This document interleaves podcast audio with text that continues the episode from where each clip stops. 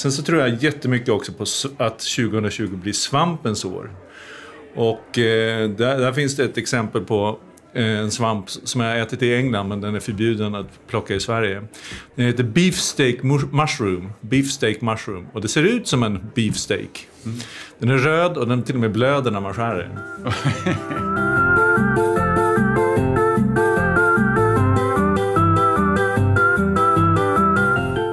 Krogpodden presenteras i samarbete med Statist.se.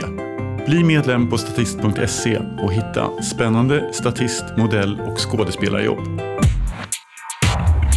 Hur såg krogåret 2019 ut och vad kan vi förvänta oss av 2020? Vi pratar bistronomi, klimatsmarta restauranger och nya spännande hemma hos-krogar. Och vem är egentligen du? Vegetarian, vegan, pescetarian eller kanske flexitarian? Vem du än är så är du välkommen till Krogpotten. Idag så trendspanar vi med Lennart Welander och Viggo Kavling. Välkomna! Tack så mycket! Liten kort presentation, ni kan ju presentera varandra. Viggo Kavling är den eh, A.A. Gills eh, efterträdare inom den litterära matkritiken den eh, kända ma brittiska matskribenten som eh, Viggo nu skriver om i Perfect Guide. Han skriver om krogar i Perfect Guide. Och eh, Lennart han är chef för Food and Friends som är väl eh, eh, den smartaste reklambyrån i Sverige för att istället för att jobba för många olika eh, branscher så jobbar man uteslutande i krogvärlden och upparbetar då en hög kunskap både om sina kunders behov och om gästernas behov. Eh, så att det är väldigt spännande att ta del av era analyser tycker att eh, ni ligger långt framme. Tack så mycket Viggo. Dagsform, hur mår ni? Vi mår, eller jag mår som man gör i slutet på december. Det är fullt ös och eh, vi kommer flytta vårt kontor om några dagar så att allting är i oordning på där vi sitter och på den andra, andra januari så är det helt nytt. Fräscht. Nytt och fräscht. Nytt och fräscht. Vad ska jag säga? Eh, ja, men jag har åkt buss idag sex timmar från Idre där man eh, gjorde en jättestor turistinvestering. Man bygger en ny skidanläggning, den första som byggts i Sverige på 30 år. Och eh, det var väldigt spännande att se vad de... Ja, man kan säga att det är ett försök att skapa Colorado i Dalarna. Spännande. Mm. Var det snö? Ja, det var 18 eh, minus när vi kom fram Oj. och då hade vi åkt buss i sex timmar. Vi steg upp klockan fem på morgonen och då stod jag i, eh, vad heter det, utan långkalsonger och tittade på när olika människor höll oerhört eh, tråkiga tal och jag hade även glömt mina handskar.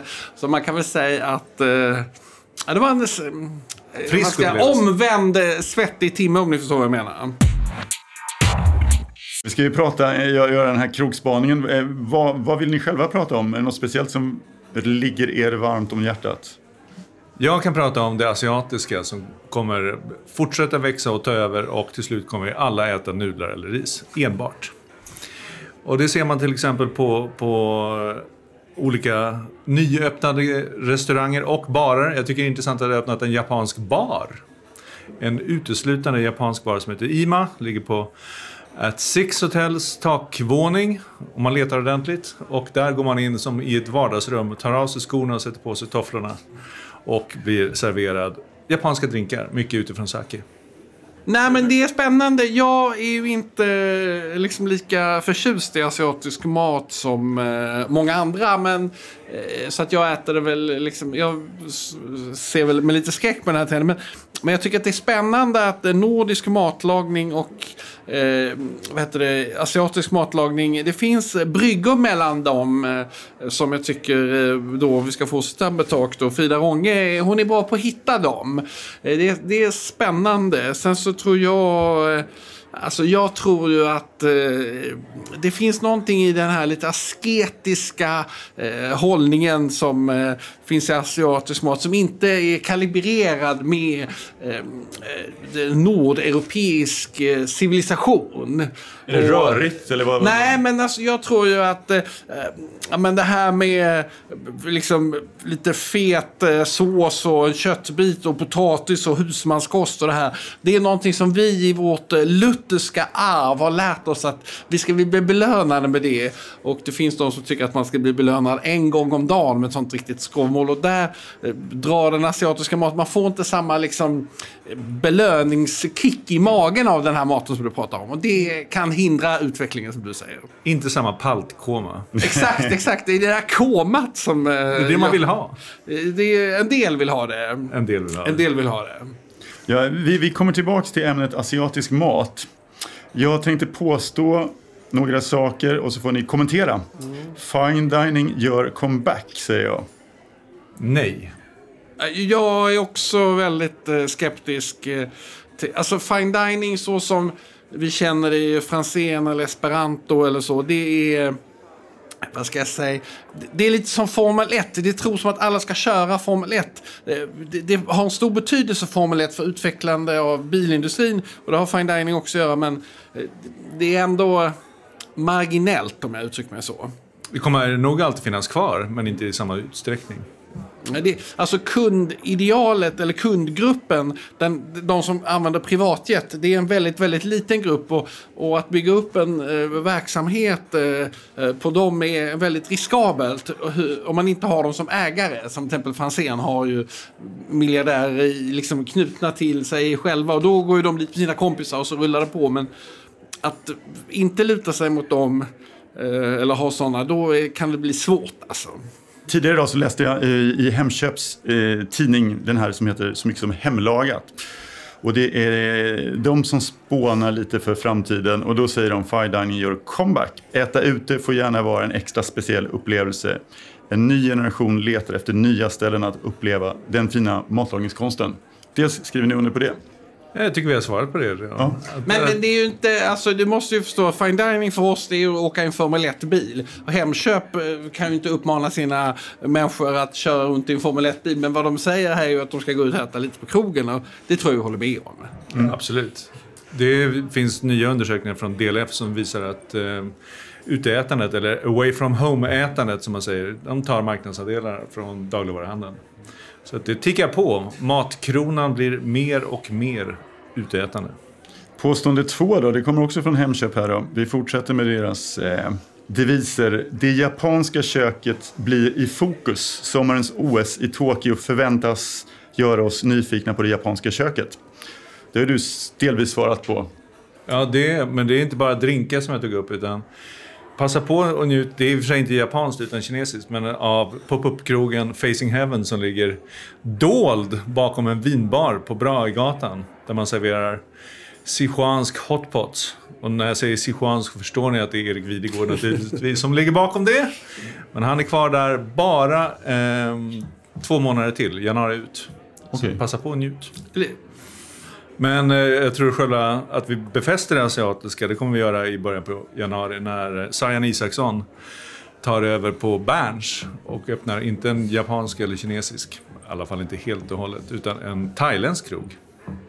Och det är flera, jag har sett thailändska krogar från London som har varit fantastiska, som inte ser ut som en turistresa, utan de är rena, coola, goda, spännande och det här kommer bli minst lika bra. Men finns Berns asiatiska kvar eller försvinner Så vitt jag förstår så tar Sian Isaksson över alltihopa. Då kör jag min, mitt sista påstående här då. Det glada 20-talet hälsar på igen. Så även när det gäller maten. Cocktaildrinkar har vi sett komma, men vad tror ni om maten? Vad åt man på 20-talet? Ja, jag, eh, vi, jag tror vi saknar kunskap om detta. jag tror... Eh, Ni får passa på den. Eh, ja, Nej, jag har ingen men... aning vad man nej. åt 20-talet. Det var väl liksom, eh, torsk vet jag i alla fall kan jag tala om. Okay. Det var väl ganska förekommande, jag har läst på. Och ganska basic mat.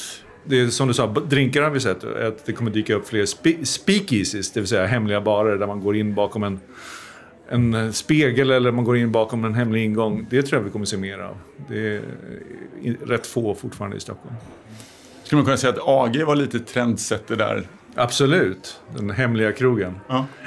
Men även den jag nämnde, den, eh, den, asiatiska som jag sa, den är inte skyltad alls utan man måste veta precis var man ska gå.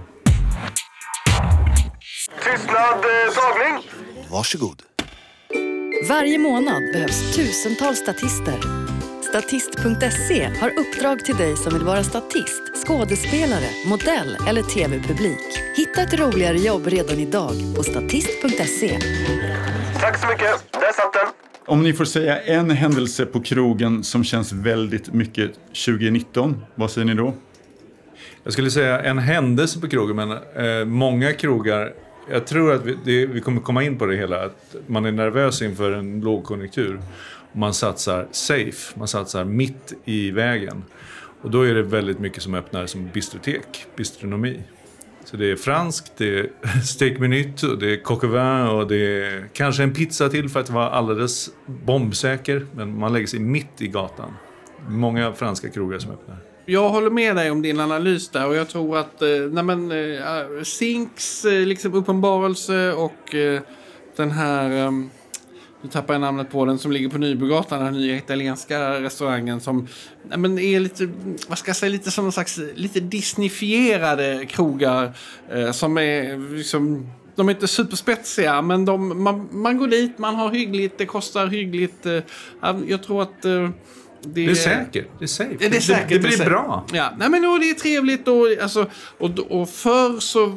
Eller förr, men de krogarna har ändå... Gästerna är ganska kräsna. Så att om de inte håller liksom toppkvalitet så... Eller toppkvalitet, men ganska hög kvalitet. Så går de någon annanstans. Så att eh, det är... Nej, men de, de är liksom bärare av... De, är största bärare av tiden. Så kan man väl säga. Kan vi utveckla typ av kök då på krogen 2019 eh, och nästa år? Asiatiskt, franskt har vi varit inne på. Är det liksom där vi håller oss? Ja, men, alltså, man måste ju skilja på alltså, krogar som ligger i en slags A-läge där de, det liksom kommer folk förbi på gatan och går in och kommer in och så. Det, alltså Zink och Stureplan är ju väldigt mycket en sån plats. Sen har ju den här koreanska krogen som har öppnat på eh, eh på den här tvärgatan där kvarnen också ligger på Södermalm vid Björngårds. Den är ju liksom mer ett sånt experimentellt, eh, när du har lägre hyra kan experimentera mer. Du kan ha lite tuffare matlagning, eh, men Coco Carmen och Punk Royal. Där man vågar lite mer på lite mer off-adresser. Och det är ju en annan eh, ja, det kommer fortsätta experimenterandet. Och asiatisk mat, det kommer ju hålla i sig. Också för att Asien är ju på något sätt, det är ju det nya Europa är det att det är deras kultur som kommer bli det som är norm i hela världen. Jag tycker vi håller oss till Asien. eh, vi, vi har spanat väldigt mycket på asi nya asiatiska rätter som kommer. Inte bara wok, nudlar och sushi det är bra. Men att det dyker upp saker som curry, curry curry, eh, japansk curry, curryrestauranger som serverar billig, god mat som bygger på en currysås och ris och toppings. Det kommer eh, Bings, åtminstone jag har sett mycket av det utomlands, där det är en slags kinesisk pannkaka som är både snacks och måltid om man vill det. Och det finns eh, otal, det har till och med kommit till, till, eh, till Stockholm, den här cheese tea. Har ni provat det? Nej. Ost-te. Det är inte att man har en skiva ost i det som, som man har i Norrland i kaffet, utan man har en mascarpone ovanpå ett sötat te. Det finns Oolong Tea House som har tre enheter tror jag i Stockholm som serverar cheese tea. Prova! Det låter spännande faktiskt. Mm. Men om vi tänker oss eh, trenden med, med att den veganska maten, det vegetariska. Vi pratar ju väldigt mycket om den och man läser mycket om den. Hur, hur ser det ut på krogen? Det är väl så att mig veterligen finns det inte någon riktigt spännande, förutom Mattias Dahlgren, då, vegetarisk restaurang som är uteslutande vegetarisk. Men däremot så blir alla restauranger bättre på att ha vegetariska alternativ. Så att eh, vad vi har sett i våra studier det är att folk gärna kallar sig vegetarianer. Vi frågar dem, vad är du? Vegetarian svarar de. Lite senare i undersökningen frågar vi, hur många gånger äter du kött i veckan? Då? En, två gånger. Så det är väldigt fint att vara vegetarian och jag tror man gör en förändring men man blir egentligen flexitarian. Det vill säga att man äter kött. Mm. Ibland och mer sällan. Ja, men, eh, jag var nyligen på, eh, vad heter det, eh, teatern, det här food court-stället som finns på, eh, i Ringens köpcenter. Och då kunde jag notera att eh, vegankrogen eh, som där såg aldrig ut att ha något att göra. Den har liksom släckts ner och eh, det har kommit eh, fler eh, asiatiska krogar. Så att jag tror eh, de här eh, renläriga människorna, alltså det är lite som eh, som all religion att eh, de bekänner sig till Gud eh, när de står inför eh, stupet men sen eh, när de har kommit en bit bort från stupet så är det andra saker som lockar.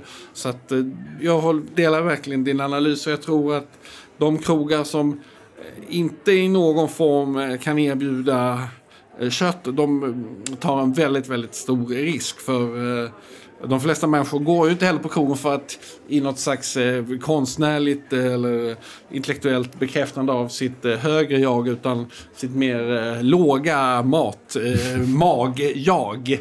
Vi har undersökt och vi har frågat folk så här, vad de, hur de planerar sitt köttätande. 28 procent säger öppet att de, de planerar att dra ner sitt köttätande under det kommande året. 28 procent, vilket är rätt högt. Och det som är mer intressant är att det är ännu mer markerat bland de yngre.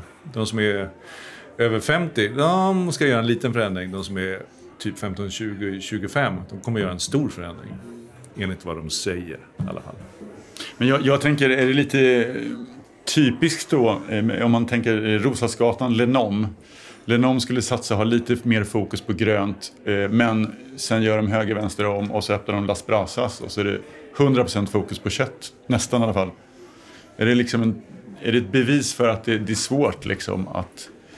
Jag tror, precis som Viggo säger, att om man inte erbjuder någonting till alla i sällskapet, då går man någon annanstans. Alla måste vara nöjda. Minsta gemensamma nämnaren. Ja, och sen är det väl också lite att restaurangbesöket är ju lite en belöning på samma sätt som, och där kan det ju bli en eftersläpning för att du vill gärna belöna dig med en god biff eller det finns någonting i det som är eh, väldigt, eh, ja, nej men när du väl går ut, alltså som eh, nu när jag ska gå hem här efteråt och göra en pizza på eh, vår fyra dagar gamla tomatsås så behövs det liksom inget kött i den utan eh, den kan man, men, men, eh, men om det ska vara belöning och det tror jag restaurangbesöket är väldigt mycket en belöning så är det bra om man kan få kött i, i någon, eh, någon form. Men eh, jag har hört, nu har jag inte sett det här själv, men jag har hört att det börjar bli motrörelse mot det vegetariska. Det finns en, eh, känner ni till det? Det finns någon slags matevent som heter Meat Ing. Hajar ni? Där folk är inte bara om, omnivorer utan karnivorer. De undviker grönsaker. Utan äter rent kött och eh, mejeri. Så att, absolut, det är i alla fall... Hur stort det är vet jag inte, men det finns en motrörelse mot det hela. Liksom. En krog som känns väldigt typisk 2019, vad säger ni då? Ja, men, eh, jag kan känna att eh, jag tycker, eller det är väl för att jag, man är lite förälskad, men jag tycker att Coco Carmen har liksom i sin eh, när Punk Royal kom dit och att den gamla kocken från, eller kökschefen från Franzén nu står och, och trycker ut eh, mat i en eh, fyra gånger så hög hastighet som han hade på sitt gamla jobb. Och naturligtvis med enklare råvaror men ändå till en väldigt hög kvalitet.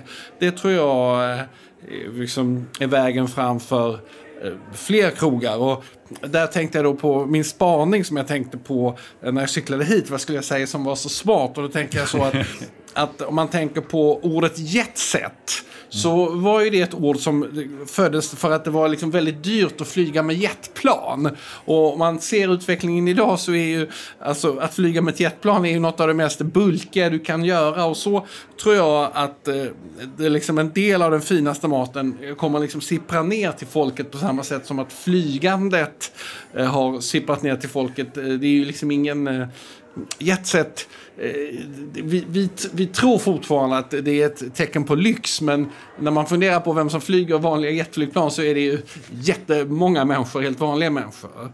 Förstår ni min eh, bild här som jag försöker förmedla? Jag försöker ta in den. Lennart, hänger du med? Allting blir tillgängligt med, Precis. med tiden. Precis, det är det jag menar. Den maten som man förr var tvungen att gå till liksom ett jättedyrt ställe för, den är tillgänglig. Du kan få jäkligt bra mat. Om du vet var du ska gå och hur du ska göra det. Liksom, steget mellan det som sker i Formel 1 och det som sen sker i vanliga bilar går ju mycket snabbare idag än vad det gjorde för eh, 20-30 år sedan. Jag tycker en spännande krog som, som gör någonting helt rätt i tiden, det är Fotografiska som har gjort ett ännu större fokus på hållbarhet och waste. Waste har vi pratat länge om och absolut så har Paul Svensson gjort Retaste, han har gjort annat, men jag tycker han driver frågan om och om och om, om igen och tar det här ännu ett steg vidare. Hur han kan använda hela citronen, inte bara zesten och saften, utan hela citronen. Hur han kan göra en eh, semla på överblivna eh, brödrester. Och istället för mandelmassa har jag för mig att han använder äppelkärnor som har en bitterhet i sig. Använda precis allting. Och eh, det, det, är liksom smart och det är gott och det är fantastiskt. Mm. Varför kan han inte öppna en krog lite mer tillgängligt? Den är han har ju öppnat en tillsammans med Tarek Taylor i Sundbyberg. Just det. Och mm. den är väl eh, tillgänglig så tillvida om du menar eh, priser. Den är lite... Nej, jag tänker mer lite fotografiska är väl lite så bökigt och, och, man ska eventuellt boka biljett för, för museet också om man ska Nej. Äta. Det behöver man inte göra. Det är bara att gå in. Det är bara att gå in. Det är bara att gå in. Sen så gör ju Stockholms stad sitt yttersta för att blockera restaurangen. Men det är en helt annan sak.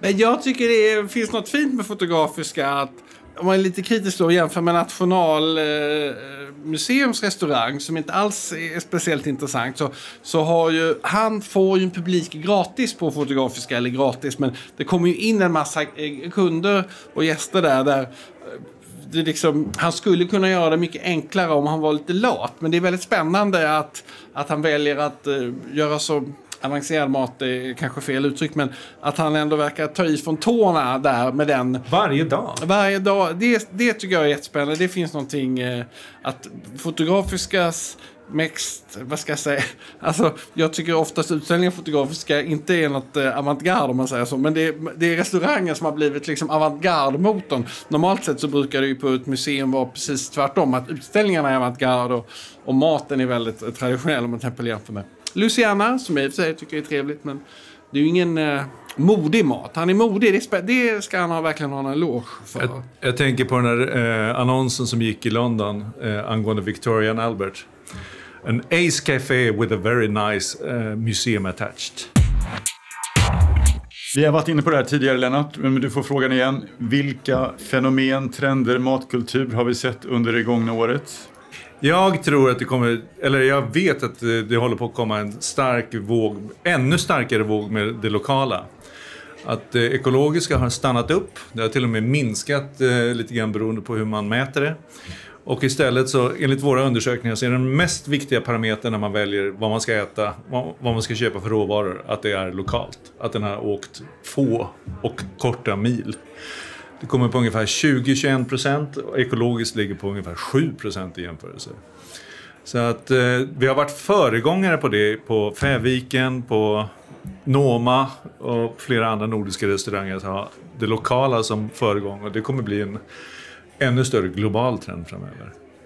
Vad säger Viggo? Nej, det var så smart så att jag är nästan lite mållös. Jag, eh, nej, men jag tror eh, det är svårt för... Vad är ekologiskt? Det tror jag... Eh, jag själv har lite svårt att förklara vad det som är ekologiskt. Vad fan, vad är skillnaden med att det kostar 5 kronor mer allting? Eller 10 kronor mer? Det är, men när, man, när det står att eh, tulpanerna är från Ekerö, när jag bor på Södermalm, då blir man liksom, ja men vad fan, då köp, då, då är det nog bra. Ja men då är det, alltså, det är mer någonting att, ja men jag vill gärna att de ska odla tomater, äh, vad heter det, tulpaner. ja tomater också, men tulpaner på Ekerö, jag vet att de odlar jättemycket tulpaner där, men det, det, det tror jag är, eh, vi har ju väldigt kort tid på sig för många köpbeslut. Mm. Jag tror också att det som, om jag fortsätter titta framåt, vi var inne på att äta mindre kött. Ja, det tror jag kommer fortsätta den eh, parallellen. Eh, köttdåsar nere på Jordbruksverket har spått och sagt att det kommer fortsätta bli ännu mindre under det här året. Och trenden ser ut att, att fortsätta. Men vad äter vi då istället? Mm. Och jag tror på dels ovana grönsaker. Det kommer dyka upp saker som kassava, Celtius, som är en blandning mellan eh, selleri och sparris. Det kommer dyka upp jicama som är en mexikansk rot. Det kommer dyka upp äh, massa olika saker som, som vi inte är vana vid. För att det är spännande och nytt och det liksom kan ersätta köttet. Sen så tror jag jättemycket också på att 2020 blir svampens år. Och eh, där, där finns det ett exempel på en svamp som jag har ätit i England men den är förbjuden att plocka i Sverige. Den heter beefsteak mu- mushroom. Beefsteak mushroom. Och det ser ut som en beefsteak. Den är röd och den till och med blöder när man skär den. Alltså, jag bara tänkte, nu vet jag inte hur jag ska säga detta, men, men jag tänker att den viktigaste mattrenden eller det viktigaste som har hänt matlängd de senaste åren är ju ändå Instagram. Och vad är Instagram? Ja, men det finns eh, mätningar som säger att har du fotograferat din mat innan på Instagram så tycker du att maten smakar bättre. Det visuella, hur maten ser ut. Alltså om man får in, och det är det jag menar med när du berättar om den här eh, biff, eller vad heter det, svampen som kommer in, ser ut lite som en biff. Att kan du få dina visuella bilder tillfredsställda i huvudet av att äta något som ser ut som en biff. Ja, men om det Då sen- är det en biff. Då är det liksom en biff, ja. Alltså, och det är det, jag, det är där tror jag att eh, liksom hur maten ser ut och hur den är presenterad på tallriken och, och vad man har skapat för en liten historia kring maten. Eller det finns en historia om eh, ja, hur man hittade dit och hur man kom in och så. Den, om den bara är paketerad på ett sätt som tillfredsställer Instagram-världen, då är, ja, men, alltså, då är de facto vad man har i magen när man har ätit upp eh, inte lika viktig. Mm. Men är det inte frågan om, jag tycker när jag äter, eh, om, om det är liksom fokus på det gröna, så vill jag på något sätt ha ett antal komponenter. Och då kan man ta bort köttet. Men på något sätt så, så vill man ha en kombination som känns lite åt köttet till, som, som du säger. Så att man på något sätt känner att ja, men nu har jag fått lite av varje och jag blir liksom nöjd. Sen exakt hur det ska se ut kan jag inte svara på. Ja, men det är, det är, för att lära sig laga ett, göra bra vegetarisk mat så måste man lära om väldigt mycket. Hur får man det här tugget, hur får man konsistensen som köttet ändå ger? Jag, är, jag håller på att försöka göra det för jag har en vegetarian hemma i familjen. Hur gör vi bra vegetarisk mat som, som fortfarande inte bara är röror och mos? Hur gör du? Mycket nötter. Och sen så är det än så länge, i och med att vi inte är ve- veganer, men mycket mejerivaror. Som ger smak och mättnad och konsistens. Vad säger du med... Nej, jag tror eh, alltså hur det ser ut och sen så texturerna, hur, eh, eh, vad heter det, man... Eh, men jag brukar tänka att en tallrik ska innehålla väldigt många texturer som drar åt olika håll. Alltså om man har... Alltså, och det där tror jag, om man ska knyta till min första spaning, det här med den svenska liksom, husmanskosten. Så när den är som bäst så är det liksom potatisen är kokt på ett och i, i sin egen på ett sätt och, och köttet och ha en annan där det, där det är lite mer geggiga om man får använda det ordet. Alltså, och en, en bra kokt potatis kan ju kännas väldigt fräsch. Eh, och det är om man kokar den liksom på ett hyfsat sätt så kan den även nu mitt i den här tiden nu, där vi är nu, eh, alltså i eh, mörkaste december, så kan den ändå smaka okej. Men eh, det är ju svårt i vår eh, del av världen att eh, man får fram några eh, bra råvaror nu som är närodlade. Det, är- Absolut. det, är- det, är- det är hårda tider. Krogpodden presenteras i samarbete med Statist.se. Bli medlem på Statist.se och hitta spännande statist-, modell och skådespelarjobb. Fermenterad mat, probiotika. Det pratas mycket i böcker nu. Många ger, Niklas Ekstedt till exempel, blåzoner och så vidare. Det här nyttiga fokuset som vi kanske har när vi går och handlar. Släpper vi det på krogen eller, eller tänker vi lite grann fortfarande på att äta nyttigt när vi går på krogen tror du? Jag tror att vi kommer utöka vårt tänkande på, på vad vi äter, hur det påverkar oss. Tidigare har vi sagt att vi kanske ska må bra, men jag tror att det kommer bli mer och mer tydligt att vi, vi ska också se bra ut och vi ska tänka bra och vi ska prestera bra. Det finns en kedja i, London som heter Protein House som gör just träningsmat fast på, i restaurangform. Så att det, det, är hälsa fast på mer utökade sätt. Vad ska man äta för att somna bra? Hur ska man avsluta dagen med, med mat för att ha en bra eh, natt? Mm. Jag tycker att det känns lite som att 2019 att det blivit lite dyrare att gå på krogen. Mellanrätterna har kanske liksom förvandlats till, ibland heter det mellanrätter, ibland heter det mindre rätter, mellanrätter, hela rätter. Har det blivit dyrare? Upplever ni det så? Mellanrätterna är ju ett sätt att ta ut mer betalt för varje stol. Att man eh, ser varje enskild beställning som ganska liten ändå, kanske en hundring, 130. Och så beställer man en, två, tre och så, så dansar det iväg kanske på 600 100 spänn eller någonting sånt där. Så att eh, det där är ett medvetet strategi för att kunna få folk att komma in och del, det passar en del att äta flera. Så kan man också få in de som inte vill ha så mycket mat eh, utan vill eh, ta en rätt. Och kanske tillfredsställa, hit- hitta gäster för udda tider på, på dygnet. Före eller efter rusningen. Jag tycker det är lätt att det springer iväg. Liksom. Notan, det var lite lättare att kalkylera när man hade en huvudrätt och, och kanske en förrätt. Då. Precis som det är tänkt. Ja. Det är lite som avbetalning. Det, är liksom, det känns liksom mindre per gång. Liksom. Ja.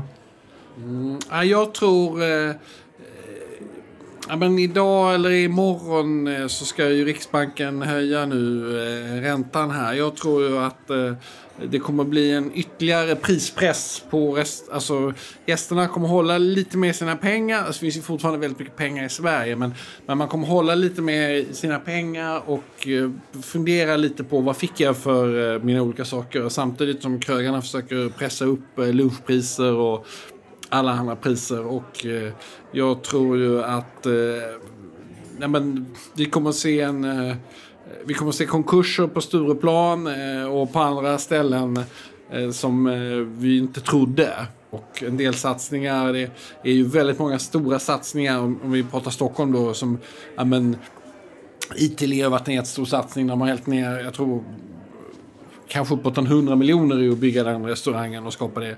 Eh, och det verkar de inte kunna räkna hem. Och Östermalmshallen ska flytta in i sina gamla lokaler med jättemånga fler stolar. Och Franzén ska öppna nere på Nybrogatan. Det, det, det kommer bli svettigt eh, runt Stureplan och de som inte eh, har eh, en väldigt bra idé om hur de ska få in folk eh, och kan behålla dem och ta hand om dem på, på, på bra sätt. Eh, de, det, det är många som kommer att ha det eh, tufft alltså. Så att eh, det är väldigt tajta marginaler. Det blir ett prövningens år. Det, är väl de, Det- det kan nog, eh, det här är året som man ser vilka som är bra krögare. Inte bara vilka som är bra matlagare, vilka som är bra kockar. Ja. Utan de som kan driva businessen. Som kan hitta på rätt erbjudanden, som kan locka rätt publik. Inte bara med maten, utan med annat också. Då kommer följdfrågan här då. Om man ska öppna en krog 2020 och vill göra succé. Hur gör, hur gör man då liksom? Vad, vad är era förslag? Jag, jag tänker koncept, jag tänker maten, jag tänker prissättning. Ni har varit inne på det här att det ska vara någonting för alla. Kan ni utveckla? Ja, det har väl varit på gång länge att det ska, det ska vara någonting för alla. Att hela familjen ska kunna gå och de, man ska kunna få någonting schysst till kidsen också som inte är alltför barn, barn, barnifierat. Men jag tror att om, man skulle öppna en krog, om jag skulle öppna en krog 2020 så skulle jag vara lite försiktig med ytorna. Ha en bra servering och sälja ganska mycket take away. Alltså jag fortsätter här prata om flygbranschen. Jag jobbar ju på Travel News eh, till vardags och flygbranschen är ju på något sätt Ja, det är världens motor. Eh, och då tror jag att man ska kanske tänka lite som Ryanair. Man ska ha en idé eh, alltså så att man fyller upp varje stol. Så att när ett Ryanair-plan landar då är det nästan alltid fullsatt. Man är väldigt duktig på att få ut människorna, få in människorna och så flyga iväg igen. Alltså att jag har, vi säger att jag har 20 stolar på min restaurang. Ja, men hur får jag dem att sitta? Det ska sitta folk på de stolarna på ett så effektivt, ekonomiskt effektivt sätt som möjligt. Det ska man eh, liksom ha en idé om. Och det kan vara på Franzén att ja, men det ska komma människor med eh, 10 000 kronor och sitta på stolen i sex timmar. Eller så ska man sitta på något annat sätt. Men hur den logistiken ska se ut och hur man ska skapa ett flöde runt stolarna så att de blir attraktiva. Det tror jag man ska tänka väldigt mycket på.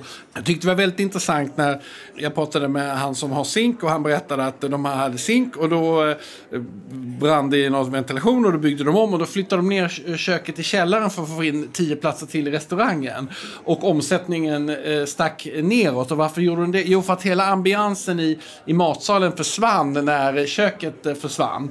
Och, eh, så att du ska ha en idé om vad du ska servera och maten var ingen, det var väl samma mat som när den gjordes i källaren och den smakade säkert likadant men det var någonting i känslan mm. som försvann. Och det är det jag menar med flödet på en restaurang som både är vad sitter du, vad får du, men också vilka andra människor ser du runt omkring dig. Och vad är showen? Vad är showen? Vi var inne på det här med, med att det kanske är viktigt och, och, att barnen hänger med i större utsträckning på krogen. Jag läste att det måste liksom komma en utveckling av eh, menyn mot barnen, alltså barnmeny 2.0. Vad, vad, vad, tror ni vi kan se där? Kommer ju liksom krogen anpassas så att det blir liksom en, en mer spännande barnmeny på fler krogar? Absolut, och eh, jag tycker dels barnmeny men dels också barnaktiviteter. Mm. Krogen Bread Street som ligger i City i London, det blir mycket London-exempel. De eh, ger varje barn en egen meny och det finns naturligtvis ett aktivitetssätt. Inte sådär väldigt annorlunda men det är eh, att rita, det är att måla, det är att göra pyssel. Så att alla är nöjda. Det skulle kunna dras vidare till filmvisning, det kan man ju se på sin egen mobil i och för sig. Men att det händer någonting mer i lokalen som gör att alla får en gemensamt bra måltid. Nej, men jag var nu i Idre då eh, och då bodde vi på någon slags ja, vi bodde på något som liknande ett hotell. Men där fanns det ju, men i Idre, det är de ju jätteduktiga på, på sådana här fjällanläggningar, är ju att se till att det finns aktivitet för barnen. Och då var det först, eh, jag fattar inte riktigt vad det var, men då har de byggt som en liten koja inne i eh, restaurangen. Mm -hmm. Och då, ja men det var jätte, då kan ju folk gå dit, och, eller de lite mindre då kan gå dit och, och leka. De kan också hitta varandra på ett, på ett bra sätt. Så att, eh, jag tror absolut eh, mer eh, kojor inne på restaurangerna helt enkelt. Vilka krogar bubblar i Stockholm? Alltså, ni ju inte varit på dem själva. Coco Carmen har väl fått väldigt mycket... Det är höstens hit.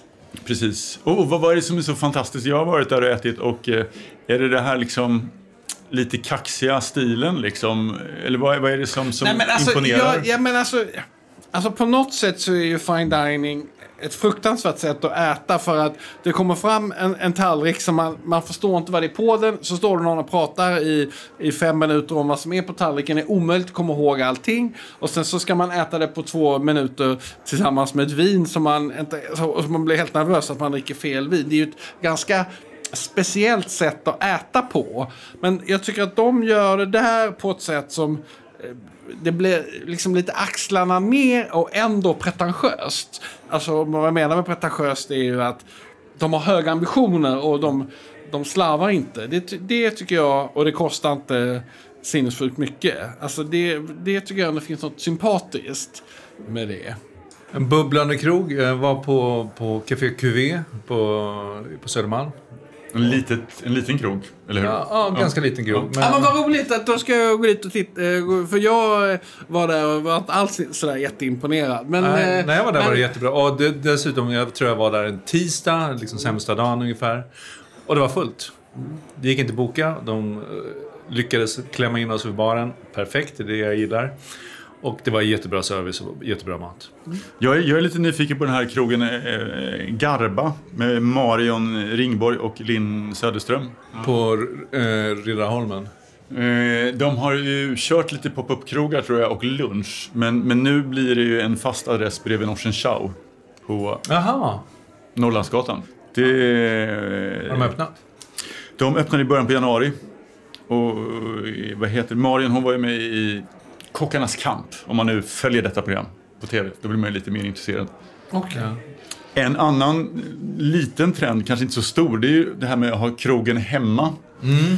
Och då tänker jag mig eh, det senaste, ett av de senaste eh, tillskotten, Mera Rickard i Älvsjö. Just det. Svin fullbokat. Eh, Villa Brännugnen i Farsta. Då har vi en gammal krogräv, Johan Lindqvist en tjej, Anna Nilsson, som, som körde eh, krog hemma också tidigare och flyttade till Malmö. Kommer tillbaks. Hon gör väldigt ambitiös fine dining.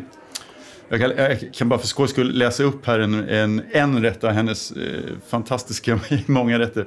Djävulsmarinerad couscous och havstornsglaserad hummerstjärt med kyld smöremulsion. Fantastiskt. Alltså jag är jätteskeptisk till det här med hemmakrogar. Alltså, alltså jag tycker en av fördelarna med att gå på restaurang är att det finns en teknisk utrustning där som gör att man kan laga väldigt avancerad mat. Och man kan liksom ha igång olika processer på ett sätt som du aldrig kan i en hemmarestaurang. Och sen så blir det liksom, vi i media blir så, oh det är så häftigt och spännande, vi får något att skriva om och sådär. Men, äh, men nej, jag vet inte, jag, jag kan... det, jag kan jämföra lite med att vara på en sån här uh, kryssningsbåt. Att, att det finns någonting i, det som jag tycker, något av det mest magiska med en restaurang det är ju att vem som helst kan komma in genom dörren. Jag tycker, nu har jag inte varit på så många kryssningar, men just, jag brukar tänka så här att alltså det är så tråkigt med kryssningar för man vet att Madonna kommer aldrig, det kommer aldrig komma någon, liksom, det kommer inte hända någonting oväntat. Utan alla vi är här, och så är det lite på en sån hemmakrog också, att det är ju bara de som eh, Eh, är där. Det kommer inte, det kommer inte hända något kaotiskt. Men jag, jag håller nog inte riktigt med. Jag tycker det liksom blir som en hybrid av att man har gäster hemma fast någon annan lagar maten och folk är lite, det är lite som att gå på en teater. och Liksom folk har li, lite mer förväntningar och känner sig kanske lite mer oroade fast på ett positivt sätt. Liksom. Man, man vet inte riktigt hur det kommer att bli. Det blir en social... Eh, Man gör det tillsammans också, även Eh, med okända människor. nej, men... men, jo, men men ja. så uppfattar jag Ja. det. Så att om, eh, om man hamnar på en gemensam sittning hemma hos någon, då är man där, då kan man börja prata med andra folk. ja. Det finns ett annat eh, sätt att vara, en annan kutym. Så att man är med om någonting gemensamt där och kan kommentera det tillsammans. Men eh, det är väl väldigt det är ju mycket- ja. spännande och kul, men det är väl ganska marginellt. Ytterst marginellt. Ytterst marginellt. Ja. Sen så var jag, jag var på eh, ett hotell, eller vad jag ska kalla det för, eh, i, i Skåne där man bodde i, i, liksom någon slags mongoliska tält. och, och då var det så att eh, då fick alla alla fick liksom mat eh, som man skulle laga. Man fick liksom ingredienser och så fick man laga maten själv. Så alla gjorde liksom. Men då uppstod ju vid lägerelden, det fanns ingen el där heller. Vid lägerelden uppstod ju ett möte som påminner om det här, som var väldigt spännande. Men Man måste hjälpa varandra. man måste hjälpa varandra och jaha, om dina barn... fan gjorde du det där? Ja, precis. Ja, men det var ju väldigt spännande. Men jag tror ju... eh, Det är ingenting... Alltså, det här var ju långt ut i skogen. Jag tror det är eh, att konstruera... Ja, det finns någonting i det. Jag tycker att när rollerna blir otydliga. För då var ju alla... Alla var ju liksom tillsammans. Spelreglerna var tydliga. Jag tycker det verkar lite... Jag vet inte, jag skulle bli nervös med någon så där de skulle stå och laga mat och helt plötsligt skulle jag förväntas göra någonting. Ja, men Nej, de, jag vet alltså, jag vet till, till exempel då, eh, känner till Dennis at Home på Storholmen. Nej. Han har kört i, tror jag, åtta år. Då Varje fredag öppnar han upp sitt hem. Och det är ju väldigt organiserat. Det, känns ju, det är ju väldigt likt en restaurang.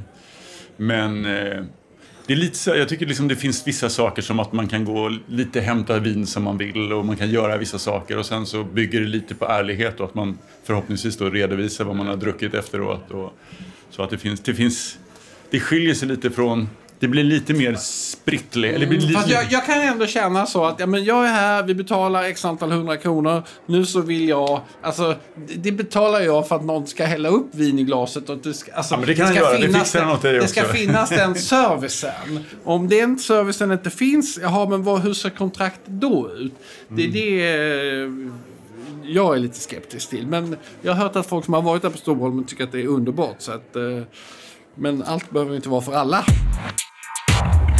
Era bästa krogminnen brukar vi alltid köra, snacka om. Bästa krogminnen eh, sista året, har ni liksom någon, någonting som ni vill delge? Jag kan trum, trumfa ut det så att uh, sätta Viggo på det hala. Jag har varit på världens bästa restaurang. Okej, Osteria de Francis- Franciscana i Modena. okej. Jag tänkte att nu får jag det gjort. Kan jag skita i allting annat sen. Det var inte så där bra så det störde. Det var inte det? Nej, det var dyrt. Ja. Men vad, när vi säger dyrt, liksom, det kostar 3 5 att gå på Franzén va? Vad, vad, är det Ja, men det är, ungefär dubbla? samma. det är ungefär samma. Det är samma, okej. En lite stift, lite servitörer som är väldigt stiliga som pratade väldigt eh, fort och bruten engelska så jag förstod inte riktigt vad de serverade i alla fall.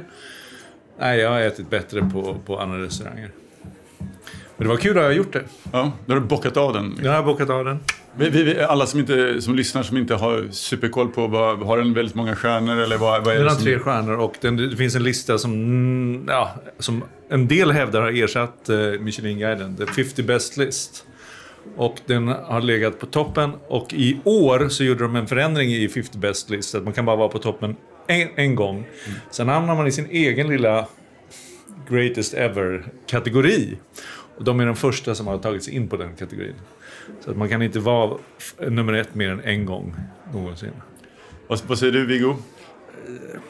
Nej men jag var på... Eh, du, jag var på teatern. De hade en matfestival. Och då hade de gjort för pressen en, en avsmakningsmeny där eh, alla krogar på teatern hade gjort en, en rätt.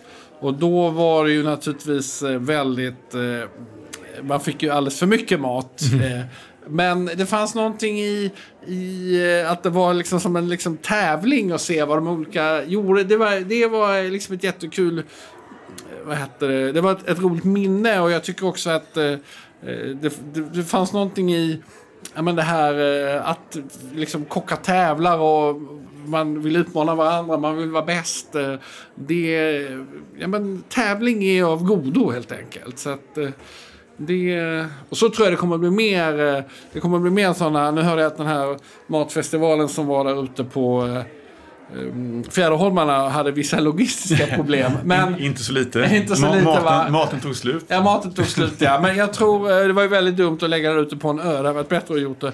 Men jag tror ändå att det kommer bli fler sådana, alltså det tycker jag ändå kändes som en väldigt kul grej. Eh, så att mer sånt helt enkelt. Efterrätter, vad, vad ser vi för framtid här? Är det någonting du spanar på? Ja, även den går i, i att minska eh, köttätandet, mejeriätandet, att, att bli mer vegansk. Så jag har sett ganska många exempel på där man har gjort desserter utan grädde eller utan ägg. Eh, Kanske det mest talande exemplet är söt hummus. Som är helt okej.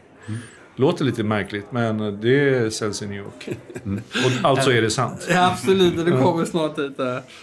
Efter att jag hörde någon konditor som sa att eh, alla vill ändå äta crème brûlée. Så att vi som liksom vill jobba med efterrätter, vi, vi har liksom 40% av gästerna att kommunicera med. Och sen dess har jag tänkt att jag ska allt, aldrig äta crème brûlée igen.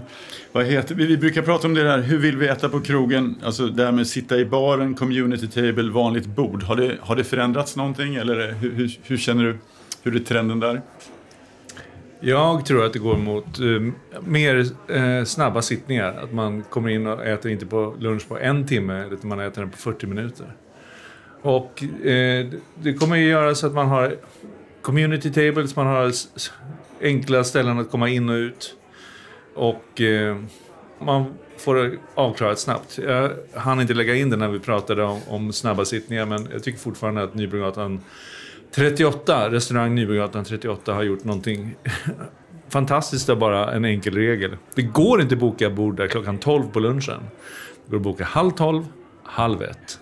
Med den enkla regeln har de fördubblat sin, sina sittningar till lunch. Jag tror ju, eh, alltså en förlängning av det är ju, eh, alltså krogbranschen är ju en av de sista, alltså den är ju inte digitaliserad i den aspekten att, alltså när jag beställer en flygbiljett eller ett hotellrum så vilken dag som det ska vara på och när jag ska komma, och när jag ska åka och alla de här grejerna påverkar biljettpriset. Men i, i krogbranschen så kostar ju en entrecote på Rish kostar ju lika mycket en tisdag klockan två som den kostar en Ja. lördag klockan eh, åtta. Och det är ju helt eh, absurt att när det är som mest tryck så går priserna inte upp och när det är som lägst tryck går priserna inte ner. Och det, det är ju liksom... Alltså, idag ligger ju alla, det är ju fascinerande att alla restaurangmenyer, när man klickar på dem på hemsidan så ligger de alltid på pdf. De, det vill säga krögarna kan inte så gång ändra, alltså för dem att ändra priserna på sin hemsida är ett jävla bök. Då måste de gå till den här reklambyrån som du pratar om och göra pop-up. Alltså det är ju den, alltså Pinchos är en intressant krog eh, och den funkar eh, inte jättebra för sådana som Stureplan-snobbar som mig. Men, men jag tror att den, där har, det finns mycket, otroligt mycket kommer hända där. Egentligen är det helt fel att dagens lunch ska kosta mindre. Ja, nej men... Eh, Det finns, alltså det, ja, det kommer att hända här. eh, Det är en duktiga Stockholmskrögare som vågar ta tag i detta. Och eh, jag tror att det kommer att bli någon av eh, de restaurangerna på någon av Petter Stordalens restauranger där man börjar skruva på detta. För att de har en, ja, det finns många som har eh, deras app och så. Man skulle kunna, eh, där finns det möjligheter. Det finns ju några krogar som har börjat med det. eh, Bara väldigt enkelt att om du tar med dig... Om du kommer före klockan fem så äter, du, så äter dina barn gratis. Får man in eh, familjerna så är man av med dem tills de riktiga gästerna kommer. Ja. Det. Nej, det finns ju, men det, det, det, alltså det skulle ju... Om du tänker att en flygbiljett idag ändrar ju pris eh, Ja, varje absolut. minut. Ja. Så är det ju ganska långt kvar. Så, Det blir dyrare ju fler gånger du kollar på den. absolut, absolut. Hemskt att gå på Sturehov då klockan 11 en fredag. Eller ja, 11 kanske är okej, Nej, men men klockan alltså, när 7 du betalar sju. så kommer du ju, du kommer ju få, det du vill betala för. Det kommer prissättas på ett mer eh, kvalificerat sätt helt enkelt. Bra spaning. Vi har nästan varit inne på det, men vilka krogar saknar ni i Stockholm? Eh, Jag har tyckt att det saknats riktigt bra thailändska krogar. Så, så som brittiska Kiln eller Smoking Goat eller liknande. Men vi får se vad, vad Sayan får till nu på, på Berns. Men eh, jag hamnar alltid på Smoking Goat när jag är i London. Och, och beskriv var, varför. Det, de har eh, en stor grill som är vad heter det, vedeldad. Så det är mycket smak. Det är mycket smak av barbecue. Och det är genuin matlagning så vitt jag kan bedöma eh, thailändsk. Och det är inte stint på socker som det ofta händer när man, när man tar i Stockholm. Jag har ingen aning om vilka restauranger man har saknat. Eh, Man saknar väl inte dem för de har öppnat man går dit helt enkelt. Så att, eh, Jag tycker det är synd att det inte har lyckats riktigt med en matservering i, i biografer. De, eh, Capital, Capitol eh, är inne på det, men vad jag har förstått så har de varit tvungna att backa på det för att det blir kladdigt. Men någon som skulle kunna lösa det skulle jag, skulle jag gärna gå på i alla fall. Jag tänkte fråga, har vi glömt att prata om någonting eller har vi liksom täckt det mesta nu ty- tycker ni? Krogåret 2020. Nej, men jag tycker att eh, alltså det är ju... Alltså, vi, man kan ju lätt bli lite gnällig som kritiker, men jag tycker att eh, det är ett fantastiskt... Eh, liksom, vi är ju ett enormt matintresse. Det finns jättemånga duktiga krögare. Vi är liksom en... Vi är ju en del av en... Alltså, vi som gillar god mat och är lite snobbiga med det. vi- var ju i minoritet på liksom början på 90-talet och nu är det här en folkrörelse. Och, Mästerkock och alla de här tv-programmen gör ju att det finns en väldigt stor mognad i... Alltså när jag träffar folk som är 15-20 år yngre än mig så kan de ju otroligt mycket mer om mat än vad jag kunde vid deras ålder. Alltså, de, och det tycker jag är... Det skapar ju en kraft och energi som gör att det, det här kommer att fortsätta utvecklas på ett superpositivt sätt. Ja, med de slutorden så säger jag jättetack till eh, Lennart Wallander och Viggo Kavling. Tack. Tack så mycket. Tystnad, eh, tagning! Varsågod. Varje månad behövs tusentals statister. Statist.se har uppdrag till dig som vill vara statist, skådespelare, modell eller tv-publik. Hitta ett roligare jobb redan idag på statist.se. Tack så mycket. Där satt den.